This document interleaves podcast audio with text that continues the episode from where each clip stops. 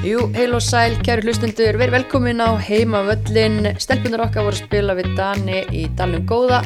Liði síndi framfæri frá síðasta leik en nýðustæðan því miður 1-0 tap og hingaður mættir búndunirkannanir Guðmundur Alstedt, Stefán Martin og Sverrir Örn beint af vellinum og við ætlum að gera leikinu upp í bóði Dominos og Orku Náttúrunar. Sjálf veit ég svo mist Rúnastóttir.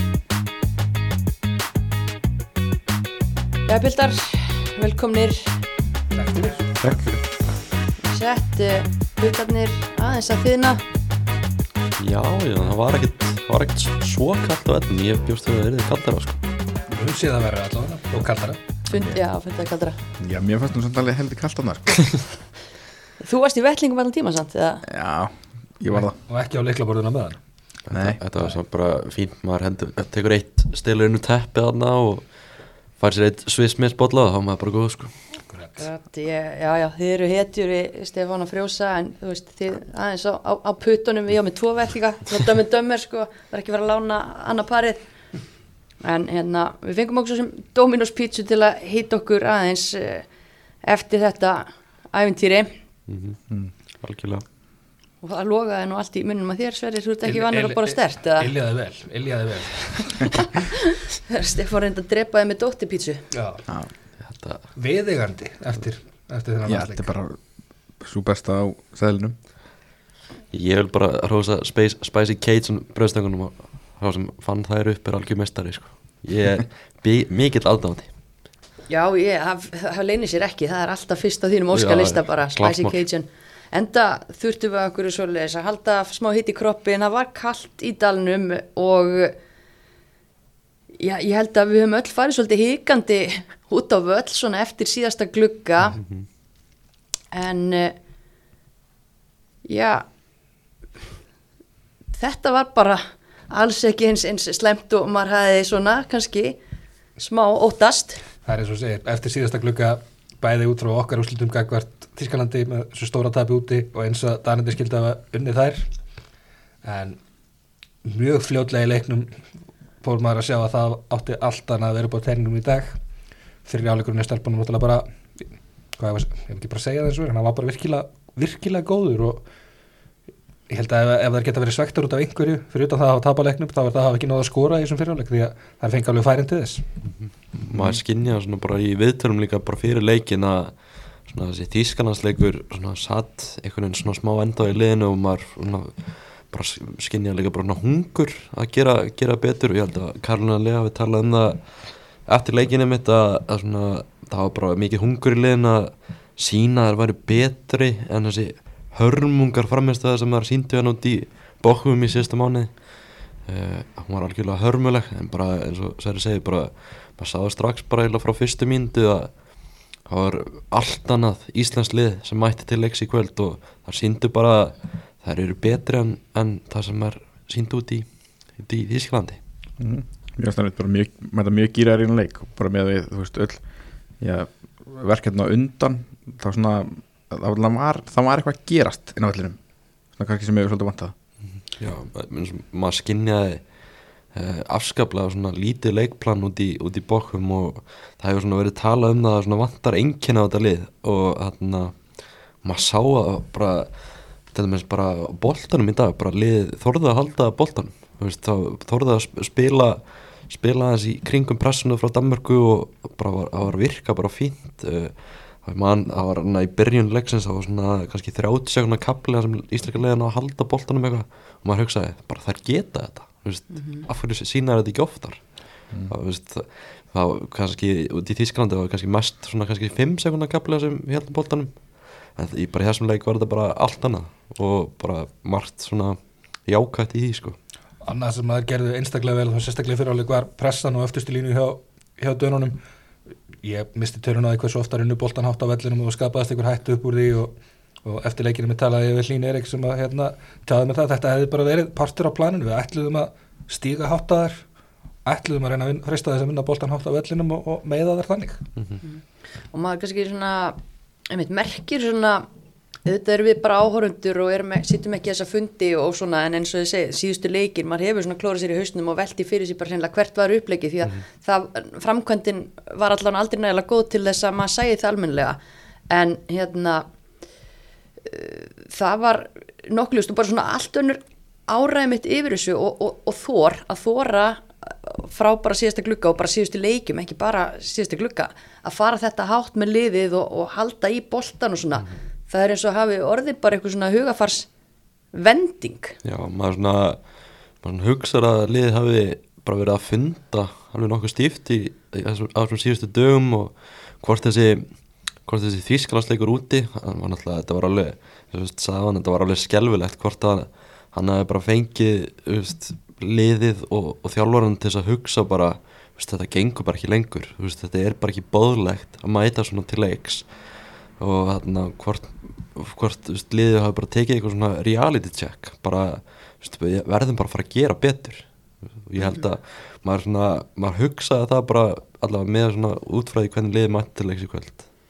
Já, við fengum vísbendingu bara í rauninni fyrirleik þegar byrjunliðið er ofinbera, það eru tvær breytingar gerðar og, og farið í annað kerfi aftur í fjöguramanna línu og hérna hvernig svona, bara hvernig fannst ykkur það koma út? bara lengst af virkilega vel.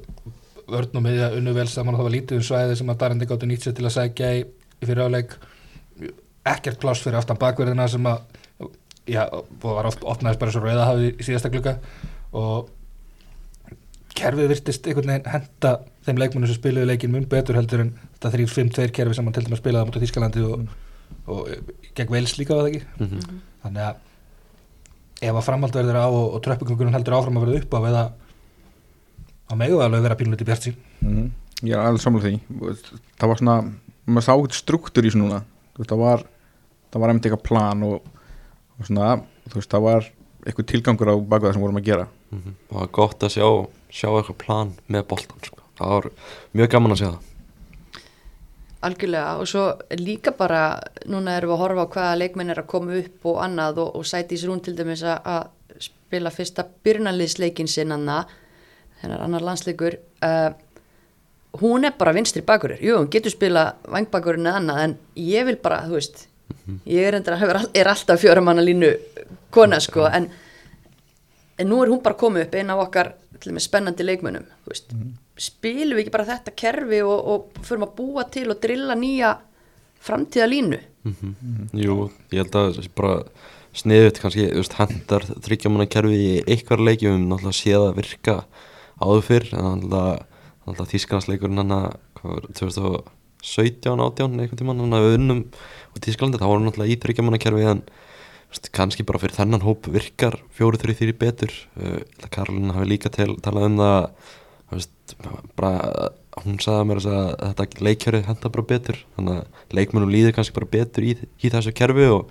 bara svona tók eftir því kvöld að það virkaði ansi vel að bæði, bara, bæði varnarlega og sóknarlega. Mér fannst, mér fannst að hann er ekki verið að skapa það mikinn usla eitthvað sóknarlega og við vorum alltaf framann að bara hættilegur ef eitthvað er sko algjörlega, við sáum líka bara munun á kjærfunum í leiknum motið Þískalandi þar sem að já, nánast alla sendinga fóru upp í gegnum miðuna og rönduði yfirleitt ekki á samarja mm -hmm. í kvöld heldliði breytinni og engspilu var virkilega gott, við vorum ofta að komast í ágætti stöðu til að koma bóltana fyrir markið og já, svo við segjum, þetta bara virkaði í kvöld mm -hmm. allavega Þetta var betra, þetta var betra varnarlega heldur en á motið Þískalandi, alveg klálega mm -hmm. alveg 100% og það þarf kannski ekki alltaf að bæta við innum miðverðið í liði sko Nei, um, þetta lóku fyrriháleikur þó tölvört betri heldur mm -hmm. en sá síðari. Hvað fannst ykkur svona breytast á milli háleikja? Það er að dærendi breyta sínu skipulagi aðeins og einhvern veginn svona í fyrriháleika voru það rosalega mikið að reyna að fara upp hægra meginn, veit á sætisi og ég myndi þess að kannski herja á eitthvað, eitthvað sem þeir töldu vera, eða þær töldu vera veikleika á liðinu. Hún stóð það af sér en í setna áleiklum að þá fóru það meira upp vinstra meginn mm -hmm. sem einhvern veginn virtist bara hendaði mikið betur. Mm -hmm. hérna hvað Sofí Svafa fór oft ansi illa með guðinu í setnálegnum og það var næst öll hætta samt sem að Danindi sköpuði sér kom út frá ykkur sem hún var að gera. Frábær leikmaður Real Madrid Sofí Svafa Danindi gera breytingu að taka Nadíu Nadím út á sem var bara ekki góðið sem leik og fara svona kannski breyta pressinu svona svolítið öðru svo íslenska liði var svona lengi átt að segja á því að veist, hvernig að, að spila gegn því. Uh, tók okkur smá tíma og Danir þrýst okkur, þrýst okkur aðeins niður og fór að skapa aðeins, skapa aðeins meira. Og var þetta kannski svolítið erfiðara og og hugafarið kannski breytist þessi lið, við fórum kannski aðeins að, að verjast, verjast meira í stæðan fyrir að hugsa bara að við getum unnið hennar leik. Og það er kannski svona þurfum að veist, bara halda áfram að vera ge- hefðum alveg getað unnið þetta danska lið sko. mm. uh, svo kannski hægt að setja spurningamerk við það veist, af hverju gerum við ekki breytinga bara fyrir leiknum veist, maður skinnja það kannski svona smá að leikmenn eruðu, eruðu þreyttir uh, með að tapa svona kannski baráttinu svolítið inn á, inn á miðsvæðinu uh, þá hefði ég vilja sjá Alexander Jóhansdóttir koma bara frekar fyrr inn hún kemur inn á bara í, í lokin og finnst það svolítið, svolítið skrítið veist, hún er náttúrulega ógeðslega góð í fótbolta, hún er líka bara svona mikill baráttu í axl og hefði kannski svona gefið liðinu meira, meira líf og svona kickstarta aðeins, aðeins meira. Um, já, bara kannski gera þessa breytingar aðeins fyrr, ég held að það hefði verið sniðut Já. og fá kannski bara fleiri breytingar, fá fleiri ferska fætur inn á. Af því að maður sá sko bara hvernig Steini brást við, það átti auðvitað að reyna að jafna hennan leik og, og vinna hann, ég menna hann hérna færi til og, og síðustu 20 eru tvær upp á topp og hérna allan er að því að vinna en, en svo koma spurningamerkið mitt með, með sjóð þetta og Ír út í Belgíu og með Amundu sem að er búin að vera geggjuð hérna heima í sumar og við vitum öll hvaða hæfileika hefur að, að geima, þú veist ég sá að þú spurði Steini mitt að þessu að blaðmann fundi, þú veist, af hverju nýtur ekki þessa kraft að þú ert að leita Þú veist, hann talaði um að lið hefði verið líklegt eftir, eftir markið hjá dönum en m- mér er eiginlega bara sama sko, bara hentum inn á og geða okkur, okkur ennþá meiri möguleika.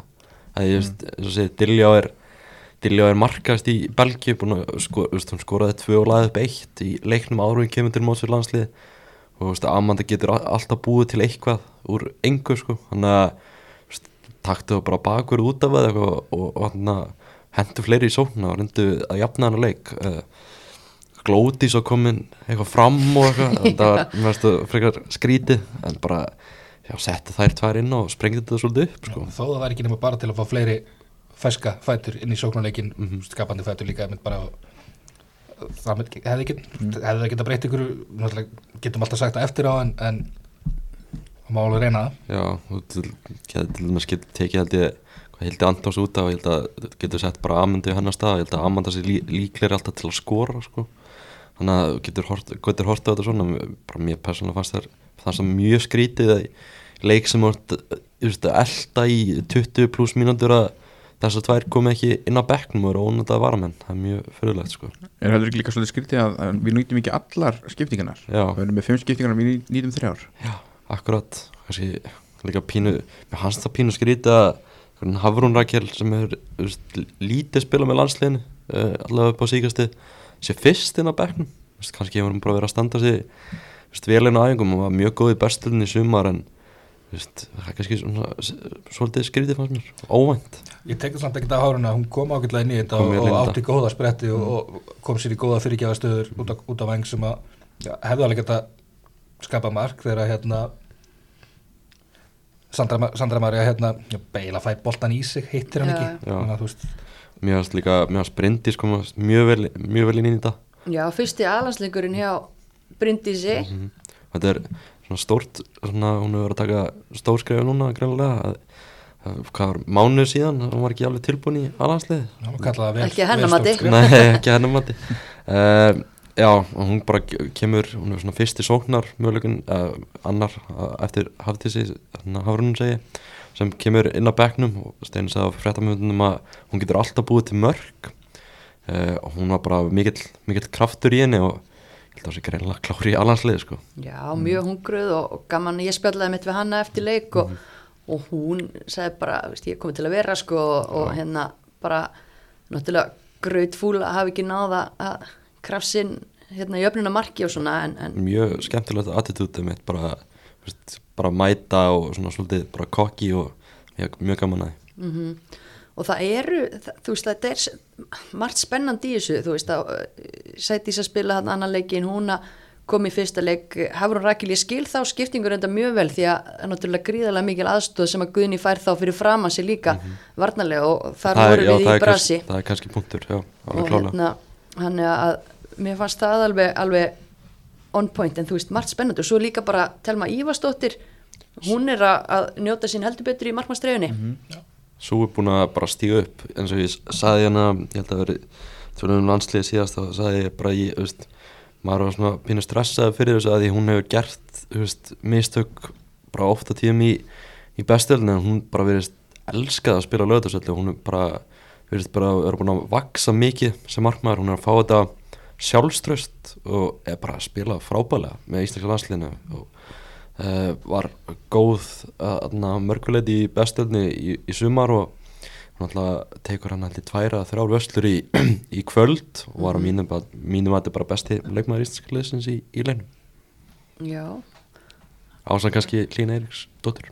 Algjörlega, algjörlega. Við tölum um það eftir síðasta glugga að svona ljó, einn af ljósupunktunum var Sandra Maria Jessen og þar spilaði hún einmitt sem væng bakverður fyrir framar í dag uh, og nær þá kannski að nýta sína eiginleika betur en, en svo sem kannski við vorum alltaf að kera það mikið upp hæra með henn já, ég hefði viljað fá hana meira í boltan Já. veitum vel hvað hún getur maður sá hann eða ekkert í sónulegum sko. ég var alltaf að býða eftir hún fengi hennan bolta á fjær sem hún myndi svo bara klára eins og hún hérna, getur svo vel gert en hann kom því miður ekki Ég held að það sé svona eina sem við getum kannski mögulega kvartaði við varandi sóknaröflikið í, í dag að þetta var svona á köplum kannski svolítið eina eftir en af hverju að breyta því sem er að virka svo sem en það er kannski meiri fjölbreytni og hún hefði kannski komist betur í takt við leikin ef við hefðum farið að mixa þessu aðeins meir upp. en annar leikmaður líka sem að er færður til og, og ætti að vera í sinni stöðu Karolína Lea Viljámsdóttir komin á miðsvæði, við viljum hafa hana þar En já, ég vil ekki sjá hana ekki í, í því. vinglinu aftur sko. bara. hafa hann bara svona framalega með henni hún er langbestar best kemd þar Já, ég bara, þú veist, hún var að kloppa mann og annan þetta var bara unnun að horfa þetta Já, það var þó þannig í kvöld að hérna, hún var ofta að koma sér í góða stöður en stundum var ákvarðan að taka hann svolítið að stríðinni þar sem að hún valdi rangan möguleika sem að kannski erfiðu sendinguna þegar auðveldari sendingin hefði getað möguleika að skila mun betri árangri. Ég, en, en ég meina þú veist, hún er unga en þá, hún lærir vonandi af þessu og fer allt í bankan ég er mjög samanlega því hún var bara það er ógeðslega gaman að horfa hann að spila fótbolta því hann er ógeðslega góð í fótbolta. En þú veist, maður gerir svona, maður er farin að gera kröfu á hana því hann er bara orðin reynd í landsleginu og bara, bara ógeðslega mikilvæg í þessu liði maður gerir kröfu á hana bara gera meira á síðasta treyning og gera betur. Mhm, og við sjáum líka bara hvernig hún er að rokka nokkulega þessa mundir þannig að, að við vitum alveg að hún er tilbúin að matcha hvaða level sem er. Mhm. en bara klárlega við fögnum því að hún sé komin á, á sinn stað og hún þarf auðvitað líka tíma til þess að- finna sig þar og, og þessi nýja miði okkar, ég meina hún er hérna með Selmu og, og Hildi og, og þær þurfa líka bara tíma til þess að slípa sig saman en, en svona Hildi var ég ána með þær. Er ekki þarna Alexandra hlýtur nú að detta þarna inn þegar svona þegar hún er komin í, í svona kannski aðeins betra form eða ekki?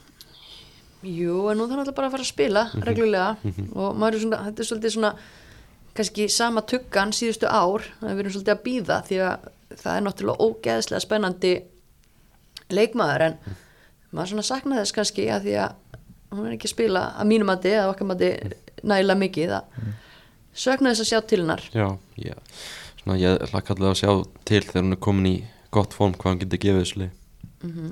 gott að eiga hana inni og, og sjáum svona, þú veist það er þessi aldamóta kynnslóð ég menna, hún er 2000, Lín er 2000 Karó 2001 Sveindi sem er náttúrulega ennþá fjárgóðu gamni, eh, sögnum hennar klálega 2001 að, að hérna, þessi kynnslóð skiptir í gangi og við sjáum líka bara hvað hérna, hjá anstæðingunum, danskaliðið aldurinn og þýliðið finnst mér svolítið skemmtilegur. Þær eru bara flestar hérna í kringum og rétt og eftir aldamót með einhverjum þrem kempum með sér. Já, og spennandi hlutir að að gera starf, ný þjálfari og, og það eru náttúrulega búin að fara inn í þessa þjóðdild á fullu gasi og mjög spennandi lið, verð ég að segja þetta er al- algjörlega spendilið uh, mér finnst það samt pyrrandi að þær séu búin að taka svona fram úr okkur sko.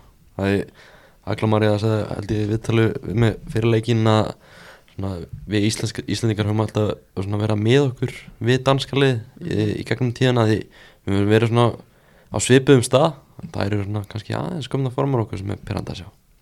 Já, það hafa nú kannski verið svona skrefi á undan heilt yfir en, en ég, þú veist með að við þennan leik og, og, og framistöðuna út á velli eins marks eh, munur þá er ég samt ekki að að panika en, en að sama skapi eins og við vorum nú ansi svart sín eftir síðasta klukka að mig og heldur ekkit eitthvað fara að ofpeppast og ofmettnast yfir þessum leik, það er náttúrulega risa verkefna þriðdægin og, og ef að þær fylg ekki þessum, þessari framistöðu eftir með einhverju svipuðu þá getum við aftur farið í bölsínuna Já, þetta, er fljó, veist, þetta er fljótt að breytast í fótballunum en þú veist, maður horfir svona þetta er svona skrítið að hugsa, hugsa um þetta sko, maður horfir, maður er eitthvað svona pínu ánæði með þetta. Uh, en að sama tíma töpuðu 1-0 og að heimaðalli er alltaf alltaf ógeðslega súrt að tapa hérna sko. ég, maður er alltaf svegt um það.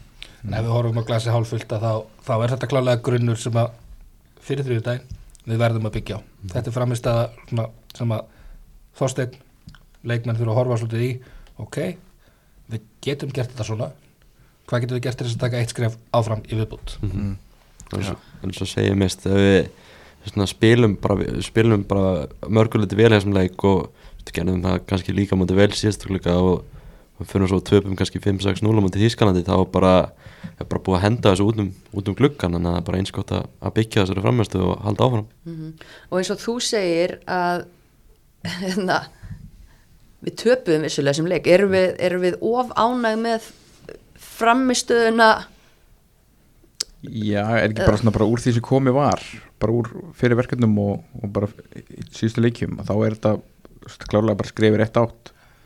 Þó, þó að vissulega lögvæðarsvöldur eigi að vera okkar víi Ég held við séum, eins og segir, við séum svolítið lituð af þessum leik sem að við horfum á í bókum fyrir mánuði síðan.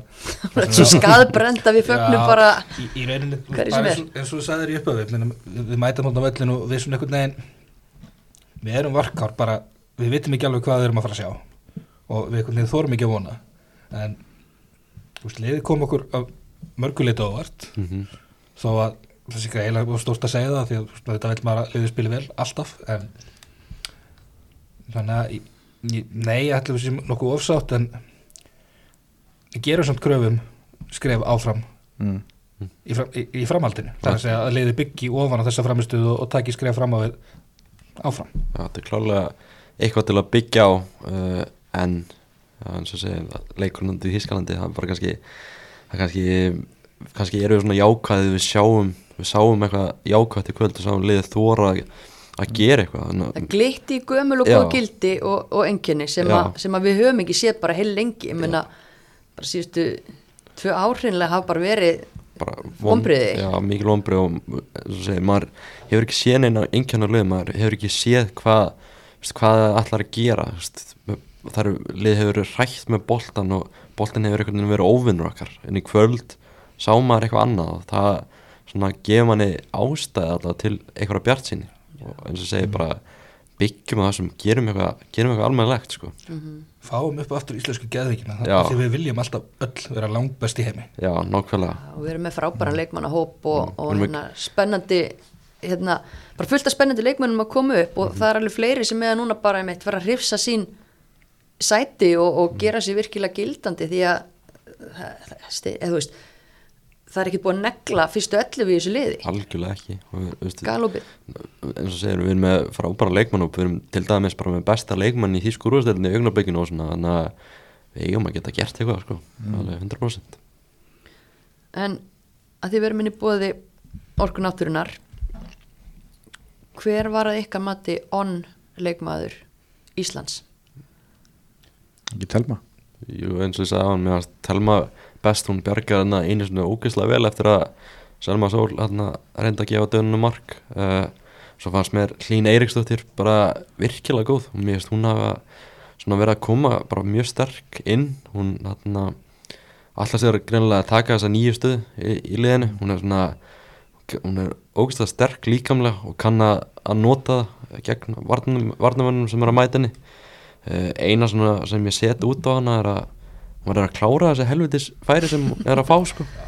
Hún fær hana til og með stöða færi eftir að Danmörk skorar drullaði bara boltanum yfir línu ég, ég verða nefna hlín líka. Mér varst bara ótrúlega gaman að horfa á hana bakka inn í, í hafsendana hjá, hjá dönum og halda þeim frá boltanum það var en dönsku voru orðnar vel pyrraðar á hann á köflum því að þær bara einhvern veginn náðu aldrei að vinna sig fram fyrir hann og taka af hann í boltan þannig að Mhm. clean on fyrir mér. Já, aftur einhvern veginn var líka bara Hildur Antons að heilla mig svolítið mikið. Hún er svona, það er ógeðslega mikill kraftur í henn alltaf á að missa henn Mhm. Já, mér finnst, bara, mér finnst mikil stígandi í þessum leikmönnum sem var að nefna, við vorum að tala um Telma áðan og Hildur búin að vaksa, maður er náttúrulega ekki að sjá leikið fyrir miður með henni út í Hollandi en maður heyri fréttir og heyri hún síðast gera vel og með hlín þú veist, hvernig hún er að blómstra í Kristjánstad, þetta er frábært og um eitt sko hún var hann alltaf í barátunni við hana Isabellu og Base leikmann Rosengard, þar eru góðar vinkonur úr, úr sænsku deildinni, eða þú veist innan gæsalapa góðar vinkonur hérna, hlýn svoleiðis er uslaðinni saman, það var ótrúlega gaman að sjá það. Maður sér að mikið potensial í henni að geta átt þessar stöðu bara vera strækjar í landsleginu og fer að skora mörg í bláðu treyni og það var einhvern veginn kannski eitthvað sem maður sá ekki fyrir fyrir bara ári mm eða svo. Þetta þú veist, náttúrulega hefur verið talað um þessar stöðu svolítið mikið bara um sem bara svona vandræðistu þannig að veist, það er gaman að sjá að hlýn sé að koma að styr, sterkjarinn eins og ég hef sagt núna bara fara að skora mörg sko. Það er málið Hún Það er- þarf er- að skora er- ef hún er að nálgast það, bara hún, stu, meina, hún er að skora í Svíþjóð þannig að hún kann alveg að skora mörg sko. Já, já, eins og maður horfir á þetta hvernig hún tekur bolta niður Mhm. með hafsendir í bakinu, skilar hann út á vangina og það tekið striki beintin, beintin og teg Mhm. mm markmið er alveg skýrt greinlega höstum á henni hún er að fara, hún fer hann á völlin til þess að skora mörg sko. Já, ég, veist, ég tal, talaði við hlýn fyrir, fyrir hennar leik held ég á þriði dagina eða eitthvað og ég bara svona hugsaði eftir viðtalið bara, vá, bara hugafarið í henni það er bara eitthvað, eitthvað rugl sko. hún er bara þú veist, ég, ég spyr, hún er, hún búin að skora 10 pluss mörk í sannskórastöldinu á þessu tíðanbili, held ég annar tíðanbili röð sem hann er bara ógislega, ógislega góð ég, ég held ég að spurt hann er ekki bara virkilega ánað með hvernig svona hefur gengið síð og þá sagði hann eitthvað, ég, veist, ég er 21 árs ef ég er virkilega ánað þá er þarna Sæðist þú bara 21 sem ja, löga þér Já, 22 eða 23 eða eitthvað. Hún er- 23, já. Já, 23 Þannig að ef ég er ána með það sem ég er nú, núna þá þú veist, af hverju þú veist, þá er engin ástæða fyrir mig til þess að halda áfram sko. Þannig að hún er bara hún stefnir alltaf, alltaf harfa ég er ógæst spenntur að sjá hversu svona langt hún getur náð sko. aðeins byrjum hugafæra líka, ég myndi eftir leikin út í Þýskalandi. Ég við tala við þig, talar hann um að leikmenn og, og bara allir sem að liðinu standa þurfi eftir þetta tap að horfa svolítið inn á við. Og ég myndi bara þú veist að vinna svolítið, vinna svolítið í sínum álum bara fram að næsta glugga. Getur við ekki sagt að hópurinn hafi gert það svona með mm veist, Jú, allavega, allavega hvað var það andlegu hliðin það, það mætti ekki með hangandi hausin í þennan glugga. Algjörlega ekki. Og Nei. gaman að sjá bara hvað hún er svona bara þroskuð bara með, með aldur sko. En- Svona, tengt þessari umræðu það var ég eiginlega hendi í dóminarspurninguna því að hún er tengist þessari ágættu knastbyttu konu Lín Eiríksdóttur eh, sem var ansið nálætti að skora í kvöld einmitt, þar var aðeins að, að púsa markaskona betur en fyrsta landslýsmarki hennar kom árið 2018 þá var hún ennþá 17 ára kortir í að verða 18 og hún er hérna fyrsta aldamóti aldamótabarni til að skora fyrir allansliðið Sæll. Uh, á móti hverjum var fyrsta landslýsmark hlínar? Á Algarve 2018 Algarve? Í frábæra móti. Uh, geggja mót. Vá, þetta er aðra spurning. Þetta er bara giskut í lofti Svíþjóð. Heitur, heitur, ég ætla að gíska á það sko. Nóri heitur líka ef að klára skandinu og segja bara Danmörku herðu, bingo, sverið það er bingo í sal. Það var nefnilega á móti móti Danmörku, hún tríði liðinu 1-1 jafntefli á Algarve. Og ég var hérna eins að googla dominarspurningu og, og fann svolítið skemmtilega staðrindir í gammalli frétt eftir meistar Óskar Ófik það er náttúrulega alveg magna hvað honum dettur stundum í huga að, að fjallum. En já, hún er sérst fyrsta aldamótabann til að skora fyrir Arlandsliðið og markið kom í Portugal þannig að hún opnar tæknilega sér markareikningin sinn þar mammunar, Guðrún Sæminsdóttir hún lokaði hins vegar sínum markareikningi með Arlandsliðinu í Portugal mm. beint úr aukaspinnu gegn Portugal þannig að, já, það var 95 og þar vitið það Já. Takk, Óskar varst þú fættur þá gummi? Nei, nei. Alltaf geggju fótbolltökur það er gaman að gaman að fylgjast með þeim og það get- það getur hæglega verið þrjá systur í landsliðinu sko. Já, og gefum, gefum fjóruðu nokkur ár og það nákvæmlega, fjórar sko nákvæmlega. það var mitt gaman að Málfríður hérna, frumburðurinn, hún var hérna í síðasta heimavalla þætti með Fanni Ingu, Markverði og, og hérna hvet fólk til að hlusta á það því að, hugafarið þetta getur mögulega bara verið kent heima sko. Já, það, Það held að sé alveg pott þetta að, að hún, Guðrun Sæmansdóttir og, og Eiríkur þau hafa hérna lagt áherslu á, á góðan haus í þeirra uppeldi. það sé engin spurningar allar greiðalega heilstittar Já, algjörlega. En uh, þriðjudagurinn, hvað er að fara að gerast á rekja vökunni? ætlaði að mæti búninga Nei, Akkur ekki. Það var alls búning nei, nei Já. uh, Hvað var búin? uh, Maður vonar bara það besta að maður er svona maður pínur svona bara skart eftir síðasta leikamönd Þískalandi Maður Já, en ætlum við að láta hann sitja í okkur eða ætlum við að ofpeppast eftir bara öll jákvæða teiknin sem voru lofti í lögadalum í kvöld? Nei, ég heldur við ættum að að stilla vendingum í hóf en að samaskapi gera samt bara hreinlega þá kröfu að, að liði verði allavega að lámarki samkefnis eftir vellinum annað en þar voru Já, gera kröfu á framistuðu bara, Já, algjörlega. þú veist bara að, allar skilji sitt eftir á vellinum að skipulagi verði gott og, og því verði framfyllt og, og það verði brúðist við ef að, ef að hlutin er ekki gangu upp, það er eina sem við byggum um. Og gleyma því heldur ekki að þú veist að við eigum að það á að vera styrklegi fyrir okkur að taka móti útilegum á köldu, Já, oktober kvöldi í laugadalum Já, veist, við eigum að láta þeim líða illa á vellinum. Algjörlega. Það var okkar við það var okkar víi sko og og allir krakkandi mæti í einhvern hræðilegum búningum bara? Er kastandi með, með plastköngulæri í stúkunni Mér langar, mér langar bara ekki að líða eins og hann út í bókum. Bara, Það var umjöðlega tilfinning að aðna, eftir 4-0 tapa bara liði gerði nákvæmlega ekki neitt í leiknum nema að fá þessi mörg þú ert bara ég er eftir bara þennan enda leik. hann, er traumatiserað samt- hann er samt að vera bjart sýttin því hann tók Já. eitt marka af þjóðrunum Já, þarna þetta er bara, þetta var þetta var hræðilegt, hræðileg upplifun og ég vona bara, eins og segja að bara liði verði samkjöfnarsett, geti gefið þjóðrunum bara leik verði hugrakar í, í spilinu. Þú voru að halda í boltan og búa til færa á móti. Þýskarlið er ekkert óskrandi sko, það er töpu á móti Danmörku sko. það gerði það. Sko það þarf Það er sannlega ekki mörg orðið að kveikjundiðum á þrjúðdæðin svona miða við Það vilja, það vilja pottir kvitta fyrir þetta. Mm alveg heiklust algjörlega hvernig viljum við stilla upp í næsta leik? ég vil bara 4-3-3 4-3-3 ég vil ekki fara í þetta 5-3-2 kerfi aftur. Uh, allavega ekki með það hvernig síðasta leikur fór. Þannig að ég er bara haldaði bara í sviparliðu í kvöld sko. mér finnst það allavega byrjanliðu var, var gott kannski uh, hrista kannski fá eina, tvær breytingar í þetta. Uh, Hvað var þá helst sem að þið sæði fyrir ykkur? ég vil eiginlega bara halda sömu vörn held ég um, Ingibjörg kemur úr banni, hún var náttúrulega ekki með, hún var í leikbanni Guðrún og, og Glótís lið við lið. Já, uh, kannski reyna að fá kannski eitthvað festu í vörðina það var ég örgulega gott um, ég fannst Selma Sól kannski eiga smá erfitt uppbrútar ég veit bara ekki hvort hún hendi inn á miðsæði sko. Selma Mm. hún hefur svolítið, svolítið verið að spila hægra megin með Rosenborg uh, ég væri alveg til í að prófa að sjá hana þar sko. Eða ég, uh, mér finnst það einhvern veginn að ekki hafa verið styrklegi hennar í síðustu leikjum með landsleginu einhvern veginn að fá boltan í fætur en drefa hann sko. er kannski betri að fá hann einhvern veginn bara út á kanti og negla hann fyrir eða eitthvað. Uh, þannig að ég væri kannski til að fá einhvern annan en á miðsvanandi þess að vera hans með, með boltan uh, hafa kannski Karlin og Hildi áfram miðsvann og kannski færa færa Selmu út, út á kantin uh, kannski bara einhverja svona smávæðarlega breytingar. En ég held að lið, lið sem var í kvöld sé bara svona góður grunnar að byggja á fyrir byrjanliði í næsta leik. Þannig að Það eru öllur á botni kvöld og á því hverja spila leikin, hvaða leikjörðu verður spilað bara að liði mæti og þóri fyrst og fremst.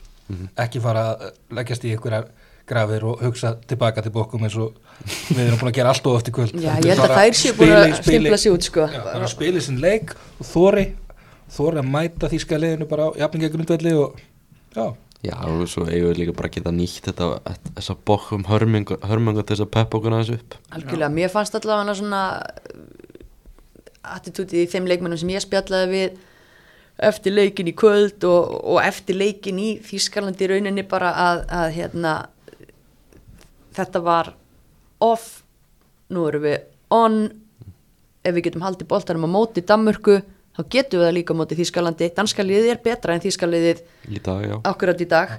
Það er bara þannig. Og, og hérna tala nú ekki um það að, að særðar konur eiga eftir að klóra fast frá sér. Já, já, við vil bara sjá íslenska geðviki Mm, Við náttúrulega erum ennþá í bara hörku baratum að halda okkur upp í aðeild þannig að það er mikið undir.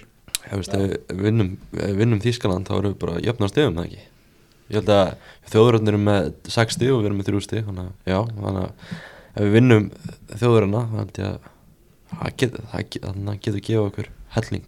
Þannig að ef við þannig að lendum í þrjásætti sem reyli þá fyrir við í umspill í februar á næsta ári. Já, einmitt, útskýru, okkur er allt svona flókið, við vorum að ræða þetta, það er alveg sama hvaða móta er. Við vorum að ræða um hérna, hvað, við nýtin á hvað undakjarn þar er flókin. Það Júfa elskar að gera hlutina flókna sko.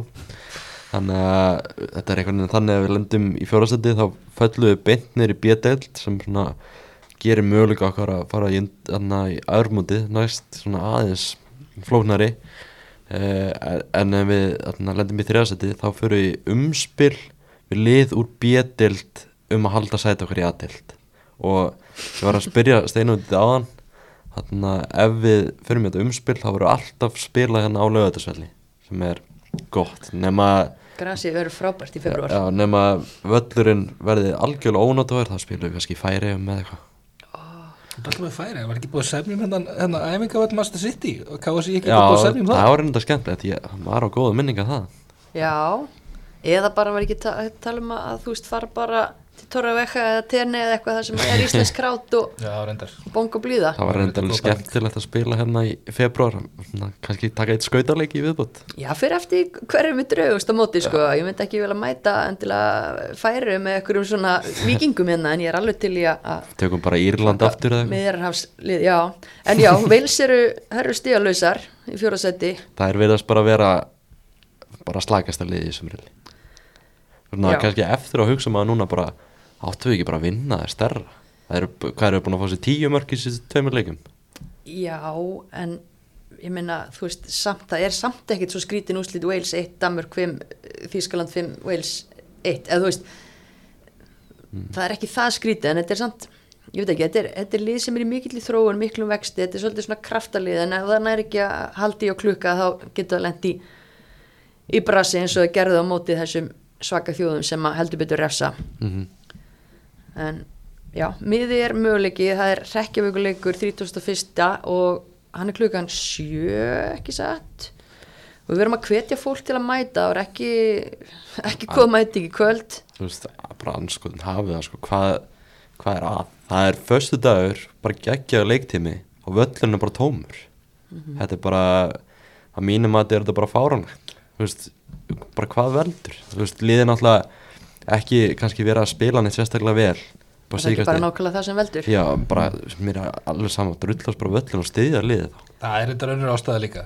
Það er grunnskólar í Reykjavík, það er vetrafrí og það er mikið af fólki sem að fóru úr bænum þessa helgina svona, af þeim sögum það hefur ábyggilega spilað inn í, var kannski ekki megin ástæðan en, en við getum alveg síðan fyrir okkur það hafi kannski kostað 500-600 manns. Já, ég er samt bara pyrraður yfir sko. Að, bara, þetta bara geðvöku leiktími og það er ekki svona það kallt úti.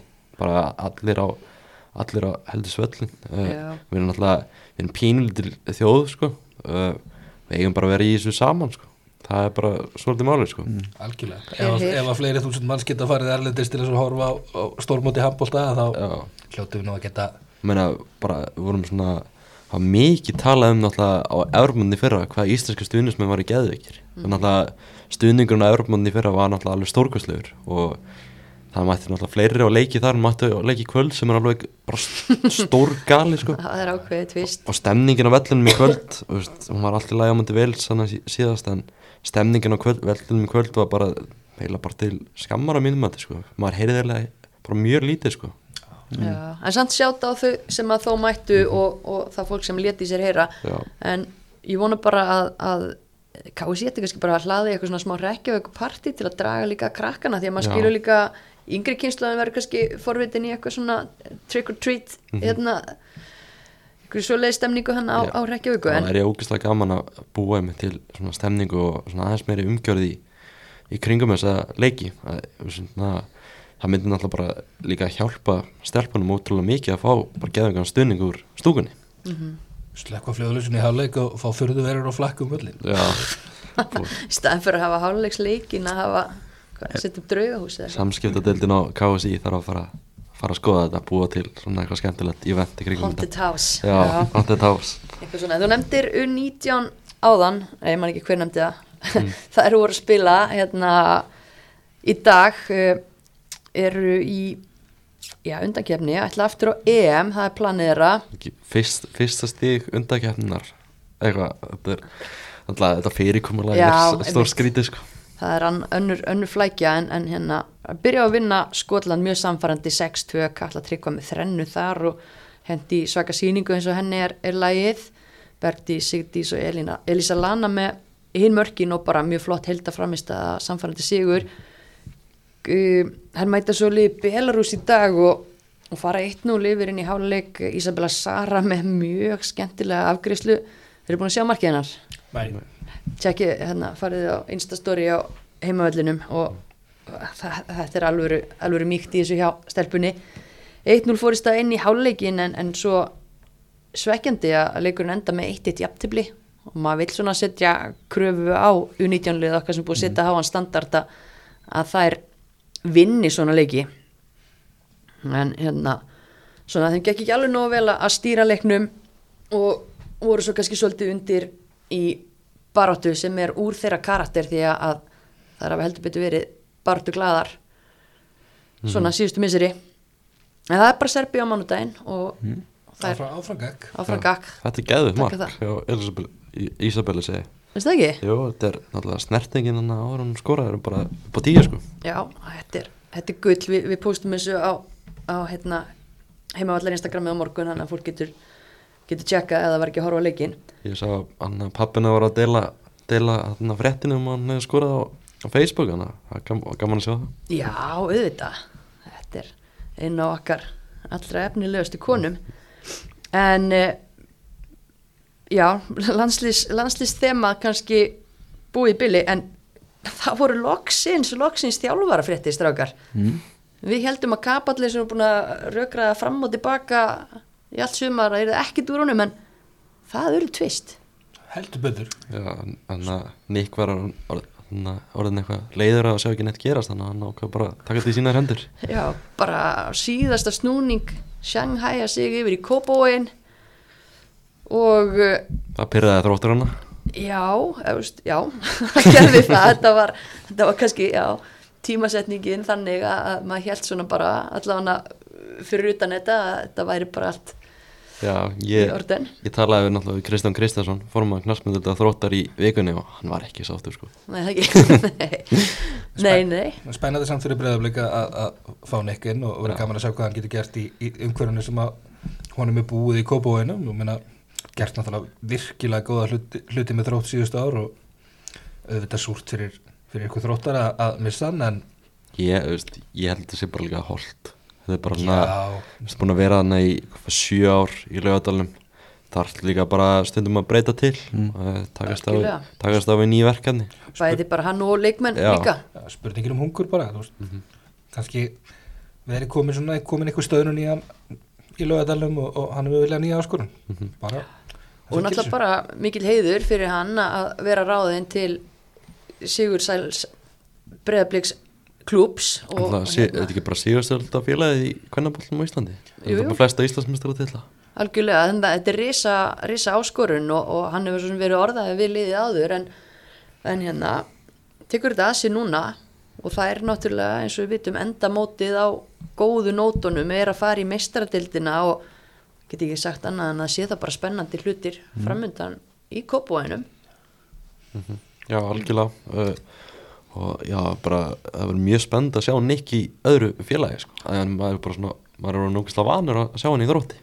Já, já, hann var náttúrulega fyrir austan, byrjar í, í þannig að hann var leikmaður hérna hugins á, á seðisfyrði og þjálfaði þar mitt Telmu Ívarsdóttur Kornunga þannig að þau, þau Já. hérna, endur nýja sínkinni Ég var hissa sko þegar hún sagði þetta við hann. Ég bara, ha, maður man, man náttúrulega ekkert eftir honum í öðru en, en þrótti hann er náttúrulega bara, veist, gert ógeðslega flotta hluti fyrir þrótt og náttúrulega mist þú ekki það alveg vel. Já, algjörlega. og ég er bara sem þróttari honum mjög, mjög þakklátt og, og var fúl út í hann í, í korter núna fyrir að, hérna, að beila en, en síðan bara fara hlutinir eins og þið fara og sko ef þetta var hérna risa útspil hvað hva gerir þá mitt fólk í lögadalum Shit. Eitt stykki Ólafur Kristjánsson, takk fyrir.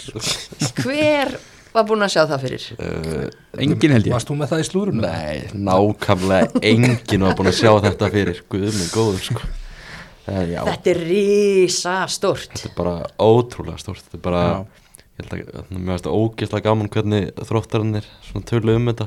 Kristján sagði bara Þetta var svona svolítið högg að mi- missa Nick Og svona farin að plana eitthvað tímabilið með honum Og svona smá högg í maðan Við ákveðum bara að sva- svara fyrir okkur. Slá, slá á móti. Þannig að það er bara geðveikt hjá þrótti og þannig að mér finnst þetta bara líka geggjaði Óla Kristjáns að taka, taka þetta skref veist, kannski, Algjörlega. Tí, Típa eins og Ólafur Kristjánsson væri ekki að taka svona verkefni að sér nema að því að hún finnst það spennandi og, og það væri eitthvað sem að kýtla hann á baku það sko. Já, ég, hann, hann sagði við mig núna í vikunni bara að hann væri búin að væri að fá fylgdi í magan hann, hann alltaf ekki búin að þjálfa síðan 2021 og sagði svona það varu nokkri hlutir sem hefði svona tóið hann aftur í þjálfunum, hann er búin að þjálfa í dönskúrúastöldinni og bestudeldinni og alls konar og vinna Íslandsmeistartitil og svona. Hann er kannski svona fá boks sem hann á eftir að tikki hann er svona eitt að hann langaði til dæmis að þjálfa liði á landsbæðinu og eitthvað svoleiðis en svona eitt af þessum boks sem var að fá að þjálfa, þjálfa stelpur og að fá að þjálfa þarna bara frábært lið í svona góðu umhverfi og var að heilla hann mjög mikið.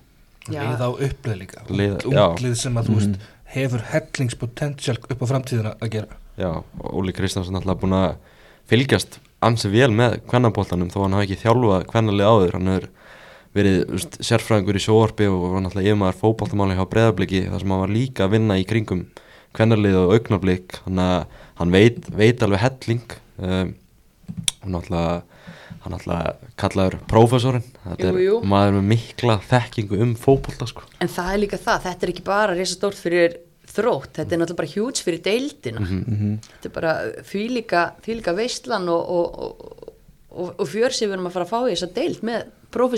Stefán, Já, hvern á Ólafur að fara í bífið í bestu til hverna, hvaða þjálfara hvaða þjálfara bíf viltu sjá, Ólafur Kristjánsson versus hver? Krista Guðmunds Kristján Guðmunds.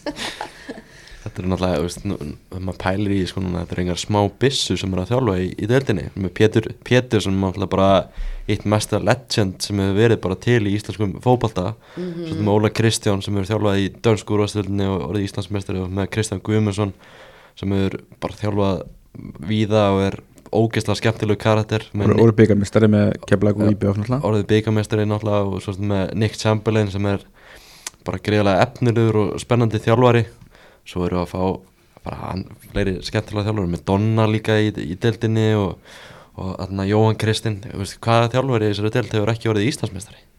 Það eru, það eru ansi, ansi margir Íslandsmeistari í þessari deild. Nei. já, Nick náttúrulega. Og svo þarna er að fá John Andrews upp þannig að þetta verður ógeðslega skemmtilega deild á næsta ári. Ég geti eiginlega ekki beðið sko. það eru virkilega margir titlar á baku þjálfarana í allavega. Já, þetta er bara, já, ég get valla beðið en við erum nú samt að leifa leikmennum að fara í smá, smá pásu. getur ekki bara aðeins- byrjað þetta aftur núna? Æ, við ekki smá pásu líka. Aðeins, aðeins að kvíla, kvíla heilan og, og mæta svo, svo ferski í vor, hvenar hérna rúla er ekki bara februar eða eitthvað? februar, Ég lengst- janúar, februar. Lengst undirbúinstímil heimi. Já. já, maður hefur verið að kíka okkar leiki í vetur hjá þrótti og sjá hvernig þetta er að funkara hjá Óla Kristjáns, prófesson það algjörlega fyrir ekki bara að senda mist á æfingu líka? Jú, taka, Jú, taka ég verð þarna eins og köttur í kringum heitan graut, segjum það ekki? Aðeins að, aðeins að taka þetta út. En sko Óli Kristjáns hann er náttúrulega stjúptættur sem voru að æfa hjá mér í þrótti í gömluta þannig að, að ég hugsa þetta hefði bara verið að kýtla hann strax þá fyrir 15 árum eða eitthvað. Mhm. þannig að þetta hefur verið skrifað í skíin já. Ég held það. Ha. en hérna Hver, bara talandu þjálfarmál það meist kannski einn spurning bara Já. hvernig er, eru stundismenn þróttur að taka þessu? Eru ekki allir ógæslega spennti fyrir þessu? Jú, það er náttúrulega bara, eins og þið segið, það var náttúrulega mikið sjokka að fá fréttin þeirra Nick sem að er ótrúlega vel liðinn og, og, og hérna, og erfitt bara að fylla hans skarð og, tímapunkturinn þannig að margir kandidatar sem hefðu verið möguleikar, þeir voru bara búin að ráða sig annað þannig að, að, að geta svo töfra svona ótrúlega spennandi lausn fram er geggjað og svo náttúrulega ekkit síður mikið spenna yfir ráningunni á kallaliðinu mm -hmm. Þannig að- Sigurvin mættu þangað þannig að Kötturogrúpan er on fire við, já, við erum bara allsæl, það er bara bara svo leiðis Mhm. Það er, ó- ó- já, ég er ekki, ég er ógeðslega spenntur að það fyrir Já, algjörlega. Svo bara með þjálfar, ég meina, það er allt klárt fyrir efstu deild. Grótar ekki búin tilkynna. Þegar maður heyrir samt að hérna Hallgrimur Heimisson sé að taka við þar og það ætti nú að kunna eitthvað að þjálfa Já, þannig að með, einn- einn- einn getur hringt í vinn. Já, hann er, með, hann er örugglega með góðan ráðgjafa með sér Já, ég í, hugsa það. í starfi Hvað með Tótor hjá IBF? Hvað er sagan, sagan með hann? Ég held að hann sé hættu bara Já. með kvennaliðið en áfram með eitthvað yngri. Það er það sem maður heyrir uh, Ég fór svona að hugsa á hann að hvort Íbjöðaf hefði ekki viljað taka Hallgrim þá. Þannig að alltaf eiga maður og svona Þannig að Hann er náttúrulega ekki búin að skrifa undir, vantarlega, er ekki grótt, búin að grótt er ekki búið að tilkynna neitt Þannig að spurning hvort Íbjöðaf sé búið að heyri í honum. Alltaf greinlega mjög spennandi þjálfari sem hefur verið að þjálfa yngarflokkur með val og svona. Já, en, en ég meina IBVF er heldur ekkit búið að tilkynna og mér finnst það alveg svolítið skrítið því að ef að það er rétt að Tótor er ekki að fara að vera áfram viltu þá ekki einhvern veginn svona kasta því út í kosmosi þannig að, að áhuga sem fólk geti látið vita af sér kannski. Akkurat. Ég vil kannski bara senda smá pill og eiga menn Það gengur bara rosa illa að fá svör þannig oft Bara hvað er í gangi og það er bara, já, eins og segir bara mjög erfitt. Þundum að fá, ég held þess búin að reyna að fá þetta st- staðfest með tótor í einhverjar tvær þrjá vikur og maður heyri bara ekki neitt. Ma, Einmitt. Það. Er gaman að fá símtað tilbaka sko, Eða bara eins og eitt stykki yfirlýsingu þar sem hann þakku fyrir sín störf. algjörlega.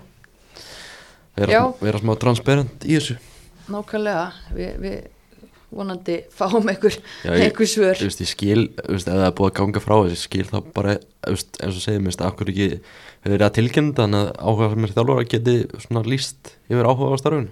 Já, og líka bara leikmenn, ég meina kannski er, vita þær nákvæmlega hvað er í gangi en, en þú veist, þetta er svona óvissa og það er aldrei hún er aldrei Óþægilegt. skemmtileg. Nei, Líkt er þetta kannski að því að eigamenn eru kannski fullu uppteknir af því að sleikja sáran eftir vombriða tímabili í fótboltanum, bæði kalla á hvenna megin. Já, fjallu náttúrulega bara öll lið sem voru til í Asmanni Já. náttúrulega fjallu bara Já, um KFS fjall líka. KFS fjall líka. Já, þetta er þungt maður en, en það þýðir ekki að liggja ykkur í þingu fram eftir vetri, það þarf að hérna bregðast við og, og, og vonandi var bara fólk byrjað að teikna upp plan hérna þegar að ljóst var í hvað stemdi Mhm, Það var ekki minn maður Gunnar hefur með pillu á eigamenn Jú, það verðist bara ekkert vera sérstaklega góð staða í fótballtanum hann akkurat núna er að- svona, þe- þessi umræðu öllu kringu Tótor setur þetta svona ennþá meir í samvikið það sem Gunnar hefði sagði, sagði á sínum tíma um að ég bara umhverfið í kringu fótboltan í eigum væri bara ekki gott eins og staðan væri. Já, það er bara ekkert. Já, Já, bara rífa sig í gang, takk. Talandi um þitt fólk, eh, Stefán, Njarvíkinga það er eitthvað, það er orðrómur um, um nýtlið í annar til kvenna næsta Já, maður hefur heyrt af því að það er eitthvað stelpunar sem ég að fara að senda lið í kefni sem er visslega spennandi. Mm. það er náttúrulega að senda lið í mjölkubikarinn sætla minninga, ekki, var ekki, þú varst ekki ekki að grinda Jú, Hvernig fór sá leikur? 6-1 minnum mig. Áttu stórfína leik þrátt fyrir þungt upp Já, þú veist, náttúrulega fullt af bara stelpum sem á úr ég er bara úr kefla eitthvað svona og eitthvað svona sem að hefur kannski hætt fyrir nokkrum ára síðan er svona, er ég áfram skóna og pröfa svo áfram og ég, ég vona allan að þetta gangi. Þetta er svona, klálega náttúrulega þær eru með náttúrulega yngri flokka þannig að þetta er svona þannig að ef þetta gerist ekki sumar þó maður hefur svo sem hýrt að þetta sé að fara að gera sumar en ef, ef það gerist ekki sumar þá allan er ekki langt í þetta. Mhm. En það verður náttúrulega geggjað, það verður með Keflavík í efstu, það verður með Grindavík í lengjunni og, og svo Njarvík í andra dild og það verður náttúrulega bara frábært afreg á Reykjanesinu að, að geta stilt fram þremur Já, liðum bara klárt. Og líka bara með þessi þrjú getustig þannig að hver einasta fótbolta kona á svæðinu ætti að geta fundið verkefni við hæfi. Þannig að hún verður góð fyrir Keflavík skilur við á rúmlega, á rúmlega 30 manna búsitur svæði þá held ég að það ætti nú að vera leikandi leikur. Já, ég meni þú veist líka bara fyrir eins og Já, bara, kannski. líka bara fyrir keflæk skilur og bara gefa þá ungu leikmennu sjens með að lána þær til keflækur þú veist bara byggja upp já, njárvíkur og þú veist bara byggja þær upp og þannig já. Já, bara tækifæri í þessu. Bara ógstlega gaman að sjá ný lið koma fram aftur með hvernig Njarvík og Vestri er að koma líka ekki? Jú, jú, jú. vestur að koma líka. Þannig að að maður fagnaði bara svona stór félögum svo Njarðvík og eins og segja vestri sé að svona búa til hvernalið og þannig að já, bara með, virkilega skemmtilegt. Bara áfram sami, settu saman metnaði hvernig og kallalið Já, það væri, Já, það væri það- nú ógislega gaman. Það væri Já, maður trúi því alveg að Sammi gerir það sko hann elskar bara, elskar er hann ekki alltaf ekkit kall? Jú, Það er- svolítið- mikið hann sko. Við sjáum Elimöttu að nætti nokkur ár Já, Nei, nei, nei, nei, nei. mætir í vest Hún ætlar að spila fyrir Óla Kristjáns í, í, lögadalum Já, það, það verður gaman að sjá Yes, uh, eitthvað fleira? Við að gleyma ykkur? Já, það er svona, þú veist, það eru svona sögur í kringum leikmenn líka í bestöld kvanna Já, hvað er það? uh, Náttúrulega Sandra Maria Jessen verður samningslaus í loka ás maður heyrir að, að breyðarbleik stjarnan og Valur séu öll búin að heyri inni og spurning hvort Óri Kristjáns dagi ekki upp síma núna og fara að ringi hana.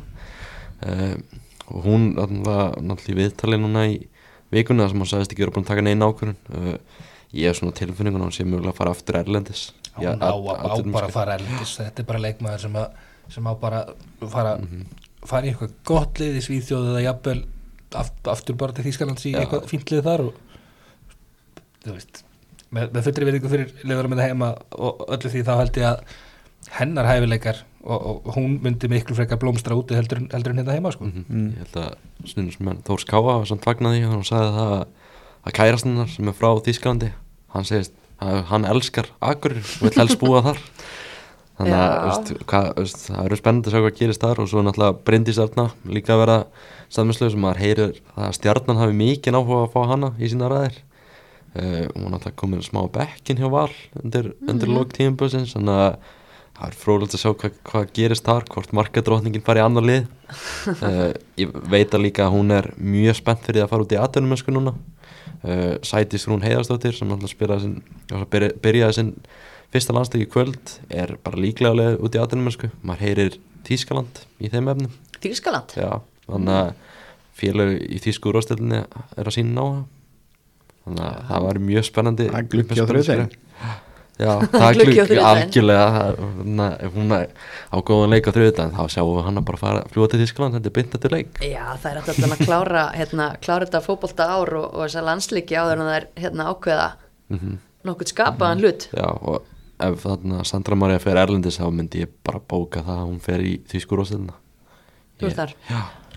Leipzig heim, Nei, ég heim, heim, ekki aftur, í leifagrúsum bara Já, það var skemmtilegt Sandra Maria og Karolina Rea sem að Það var í geggja, Það var geggjað. hugsið ykkur samvinnuna. Ég held að, að kærastinu segja hann þá með eitthvað íbúðan út í að byrjuð, þú ert bara með alveg Já, svona ég- mikið ég var, insight info. var náttúrulega í, í Þýskaland í daginn Varstu í íbúðinu kannski? Nei, það var þannig eitthvað sem sagði mér það Ég veit það ekki þá veitum við það. Já, þannig að þetta var leikmannamarkaðurinn svona seilísi sem er bara í, í fullum gangi Þannig að þetta verður ógæslega spendi Er ekki Katta Tryggva að fara í aðtunum með sko eitthvað?